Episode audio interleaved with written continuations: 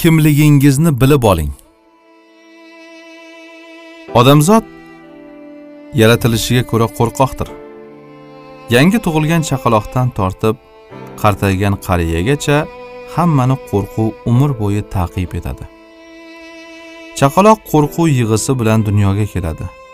Keyinroq onasini yo'qotib qo'yish och qolish vahimali shovqin suronlar yiqilib tushish kabi narsalar uni vahimaga soladi. Esini tanigach uni kattalarning do'x kaltaklari chaqmoq momaqaldiroq kabi tabiat hodisalari yirtqich hayvonlar jin alvasti haqidagi gaplar aldov va zo'ravonlik kabilar qo'rquvga sola boshlaydi. Yigitlikning ham o'z qo'rquv o'choqlari bor. Hayotda o'rnini topolmaslik imtihondan yiqilish sevgisining rad etilishi munosib ish yo'qligi va hokazolar. Hatto katta yoshdagilar ham qo'rquv taqibidan omonda bo'lishmaydi. Ularni ham bir umrga turli kasalliklar omadsizlik amaldan ketish dushmanlar husumati bolalarining noqobil chiqishi do'stlar xiyonati qonunni buzib qo'yish turli falokat va ofatlar boshliqlar zug'umi qashshoqlik el yurtda sharmanda bo'lish barvaqt qarish va o'lish kabi holatlar dahshatga solaveradi ayniqsa el yurt ichida gap so'zga qolishdan odamlarning malomatidan qo'rquv insonning farog'atini oromini o'g'irlaydi. Uni mashaqqatlarga turli gunoh ishlarga vijdoniga xilof ish tutishga ro'baro qiladi. Xalq nima derkin? Odamlar malomat qilmasmikin? Mahallada qarindoshlar orasida sharmanda bo'lib qolmasmikanman? Qabilidagi qo'rquv tufayli hatto o'z e'tiqodiga qarshi boradi. Buyurilmagan ishlarni qilishga majbur bo'ladi. El orasida mashhur va obro' odamlarning gapidan malomatidan qo'rqib to'y marosimlarini katta qiladi. Yo'q yerdagi bid'at ishlarga xurofatlarga qo'l uradi. Nopok fosiq kishilar bilan yaqinlashadi. Gohida inson ana shu qo'rquv tufayli bor budidan ajraydi. Hayoti izdan chiqadi. E'tiqod iymonidan chekinadi. Qo'rqoq odamning irodasi sust shijoati bo'sh bo'ladi. U qo'rqoqlik orqasidan yolg'on gapirishi soxta guvohlikka o'tishi oilasiga xalqiga diniga e'tiqodiga xiyonat qilishi subutsiz va irodasiz kimsaga aylanishi mumkin. Qo'rquv tufayli u bundan ham og'ir jinoyatlarga qo'l uradi. Hatto o'z joniga qasd qilishgacha boradi. Bejizga sulaymon alayhissalom qo'rquvni his etmayin desang judayam haqiqatgo'y va o'ta donishmand bo'lmagin demagan. Endi bir tasavvur qilib ko'ring. Bola otasidan qo'rqib qayerda nima bilan mashg'ul bo'lganini yashiradi yolg'on gapiradi. Demak shu kundan uning tarbiyasiga rahna yetdi. Ayol erining zug'umidan qo'rqib uni aldashga bahona sabablar qidirishga o'tadi. Demak shu damdan boshlab oilani ishonch totuvlik hayo tark etadi. Kichik rahbar katta rahbardan qo'rqqani tufayli o'lda jo'lda qolgan rejani bajarildi deya ma'lumot berib yuboradi. Demak o'sha korxonaning iqtisodi zarar ko'chasiga yo'l oldi. Bir qarashda beozorgina boshlangan ana shunday qo'rquv tuqqan aldov yolg'onlar to'planib yig'ilib oxiri ulkan bir yolg'on tog'iga aylanadi. Bir ikki qo'rqoqning yolg'on hiylalari to'planib butun jamiyatning tanazzuliga sababchi bo'lib qoladi. Davlatlarning yolg'onlari o'sib ko'payib insoniyat tarixini bulg'aydigan urush ixtiloflar vayronagarchilik inqirozlarni keltirib chiqaradi. Qo'rqoqlik pastkashlik xiyonat vafosizlik kabi turli yomonliklarni tug'diradi. Ko'pgina gunoh va qabihliklarning boshi asosiy sababchisi ham qo'rquvdir. U behayolik yolg'onchilik kabi iymonni zaiflashtiradigan og'ir ruhiy xastalikdir. O'ta qo'rqoqlik esa kishini iymonsizlik va kufrgacha olib borishi mumkin.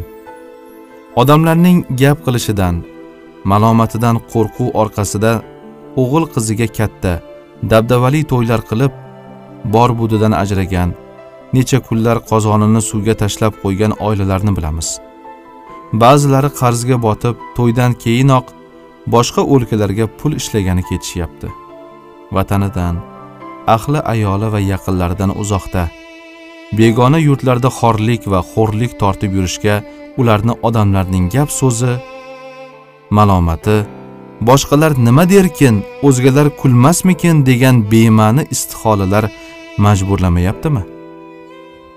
Yoki men sendan kam emasman nega qo'shnim yoki qarindoshim qilganni men qilolmas ekanman degan soxta obro' orttirish ilinji ularni shu ko'yga solmayaptimi?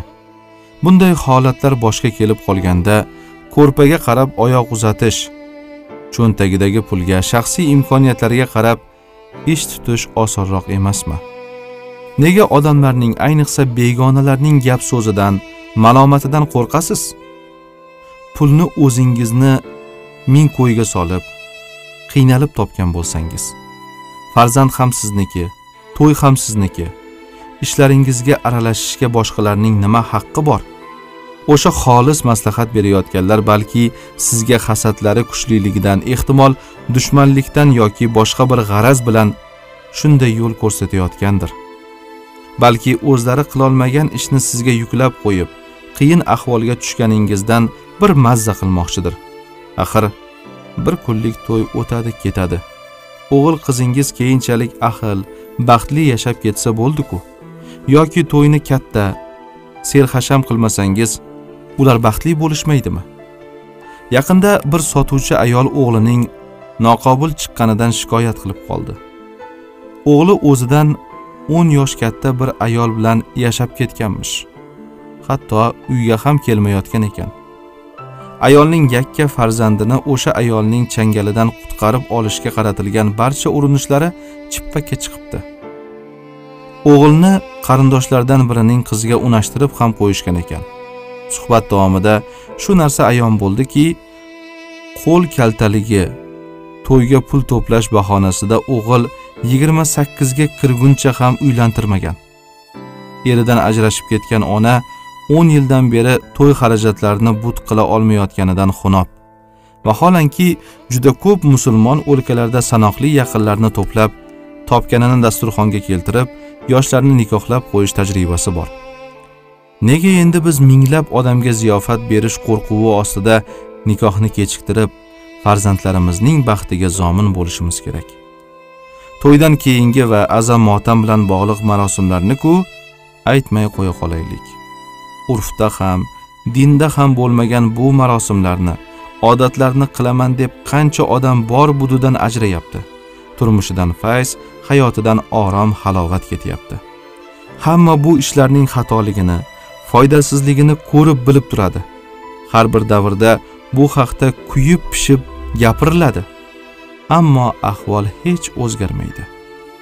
Odamlar o'zlariga o'xshash odamlarning gapidan malomatidan qo'rqib o'zini qiynayveradi xotirjamligidan ajrayveradi.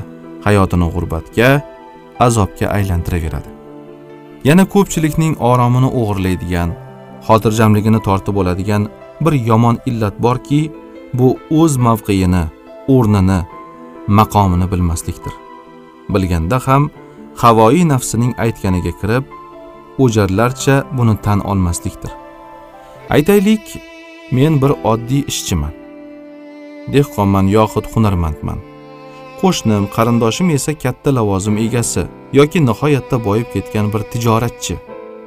Nima men ham ularga taqlid qilib uyimni uch qavatli qilib qurishim minglab odamlarni chaqirib to'y qilishim kerakmi? Aslo yo'q.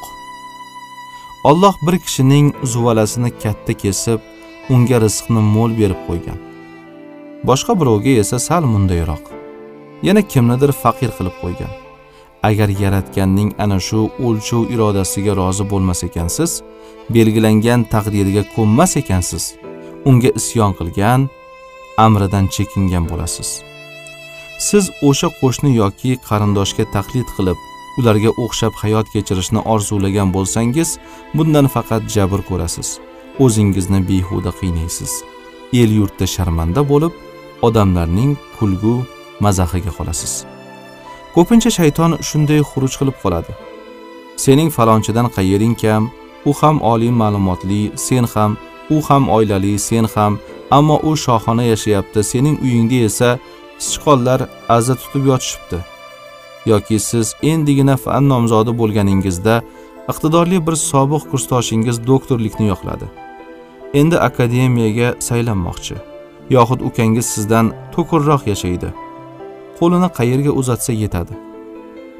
Yo qo'shningizning to'rt muchasi sog' sizning esa qandaydir jismoniy kamchiligingiz bor.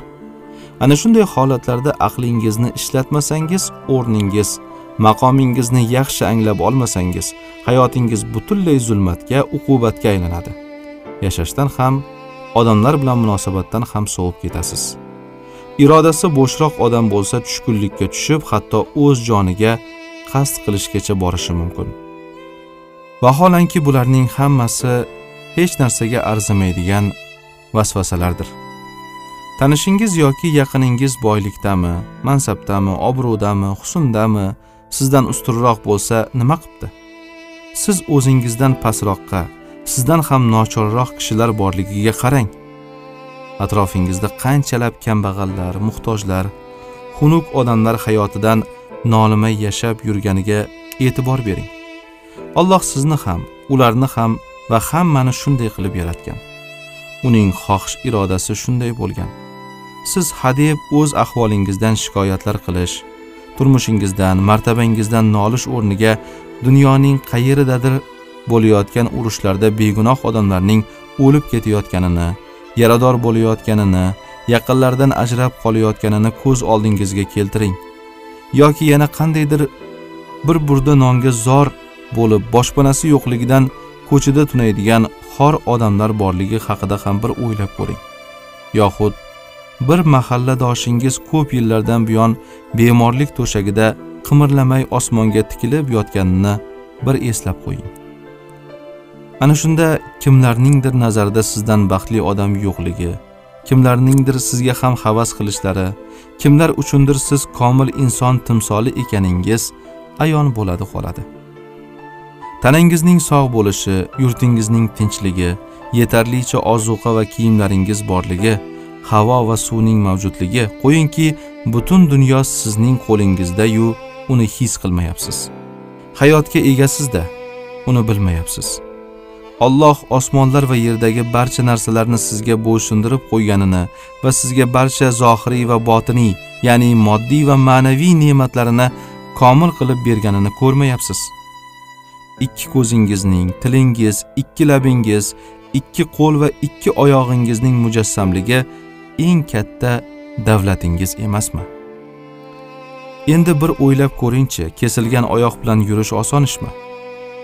qo'lingiz olib tashlangan bo'lsa biror ish bajarishning iloji bormi og'riq o'rab turganida ko'zingizni yumib uxlay olarmidingiz yoki xasta qorningizga ishtahangiz tusab turgan ovqatni yoki sovuq suvni kirita olarmidingiz shunday kishilar borki yegan ovqati ichgan suvi butun vujudini zaharlab qaqshatib uni kasalga mubtalo qilgan. Aqlingizga nazar soling chunki aqlingiz yetarli bo'lgani uchun jinnilik va dovdirlikka chalinmadingiz. Faraz qiling a bitta ko'zingizni chotqol tog'idek oltinga almashtirarmidingiz? Yoki qulog'ingizni pomir tog'i vaznicha kumush evaziga sotishga ko'narmidingiz? Tilingizning soqov bo'lishi evaziga podshohlar qasrini sotib olishni xohlarmidingiz? Qo'lingiz kesilishi evaziga gavhar va yoqutlarga ega bo'lishni istarmidingiz? O'zi aslida eng afzal ne'matlar ichidasiz lekin o'zingiz bilmaysiz. Shuning uchun g'am g'ussa xafa va tushkunlikda yashaysiz. Oldingizda issiq noningiz sovuq suvingiz tinch uyqungiz uzun ofiyat tursa-da yo'qotgan narsalaringiz haqida bosh qotirasiz. Boriga shukur qilmaysiz. Moliyaviy zarardan bezovta bo'lasiz. Aslida sizga saodat kaliti behisob yaxshilik iqtidor ne'mat va boshqa ezgu narsalar berib qo'yilgani haqida ozgina tafakkur qilmaysiz. Tanlay ola bilish qobiliyati ham xotirjamlik asosidir. Odamzod yaratilganidan buyon uning jismida mavjud bo'lgan so'zlash xayol surish sezish quvvatlari kabi tanlash quvvati yordamida u boshqalardagi go'zal va xunuk xislatlar muhim va zararli ishlarning yaxshi yomonini ajrata oladi. Abu nasr forobiy yozganidek tanlab olish xosiyati yordamida inson biror narsani istaydi yoki undan qochadi. Unga beriladi yoxud undan jirkanadi undan ta'sirlanadi yoki tortinadi. Buning natijasida nafrat va muhabbat do'stlik va dushmanlik qo'rqinch va jasurlik g'azab va rozilik shahvat va minnatdorchilik his tuyg'ulari paydo bo'ladi. Bekorchilik yoki sevmagan mashg'ulotni qilish o'zgalarning minnatli ehsonlariga ko'z tikib yashash o'zingizga yoki insoniyatga foyda keltirmaydigan ishlar bilan shug'ullanish ham hayotingizning maromini buzadigan turmushingizdan fayz va lazzatni olib qo'yadigan eng yomon illatlardandir. Bekorchilar barchaning nazaridan qolgan va hammaning e'tiroziga sabab bo'luvchi kishilardir. Chunki ular irodasi bo'sh o'zlari esa achinishga loyiq bebaxt kishilardir. Insonning eng tuban va xatarli holatlaridan biri uning bekorchi bo'lib qolishidir. Bunday inson ikki tarafiga qalqiy qalqiy pastlikka shitob bilan tushib borayotgan haydovchisiz mashinaga o'xshaydi. Agar bekorchi bo'lib qolar ekansiz o'zingizni g'am anduh va qo'rqinchlar girdobiga tayyorlayvering. Chunki bekorchilik sizga o'tgan hozirgi va kelajak hayotdagi barcha past balandliklar ozor o'kinchlar haqidagi ma'lumotlar daftarchasini olib keladi. Miyangizni bir biridan vahimali tashvishlar g'am alamga qorishgan o'y fikrlar bilan to'ldirib tashlaydi. Hamda sizni besaramjonlik va g'urbat changazorlariga itarib yuboradi. Donolarning nasihati shuki o'sha tagi yo'q. Po'k narsalar o'rniga samara beradigan foydali ishlar bilan shug'ullaning. Chunki bekorchilik maxfiy o'lim va tinchlantiruvchi kapsula bilan o'z joniga qasd qilishdan boshqa narsa emas. Bekorchilik xuddi xitoy qamoqxonalarida mahbuslarga nisbatan qo'llaniladigan tomchi suv bilan jazolash vositasiga o'xshatiladi. Ularda mahbus ustiga har daqiqada bir tomchidan suv tushiradigan jo'mrak o'rnatiladi va o'sha tomchi qachon tushar ekan deb kutish asnosida jinnilikka mubtalo bo'ladi. Shunday bo'lgach hoziroq o'rningizdan turingda biror foydali yumushni qo'lga oling. Kitob mutolaa qiling yoki biror narsa yozing. Hech bo'lmaganda yozuv stolingizni tartibga soling yoki uyingizning kam ko'stini tuzating. Xullas boshqalarga manfaati yetadigan nima ish bo'lsa o'shani qiling. Faqat hayotingizda bo'sh vaqtga o'rin qolmasin.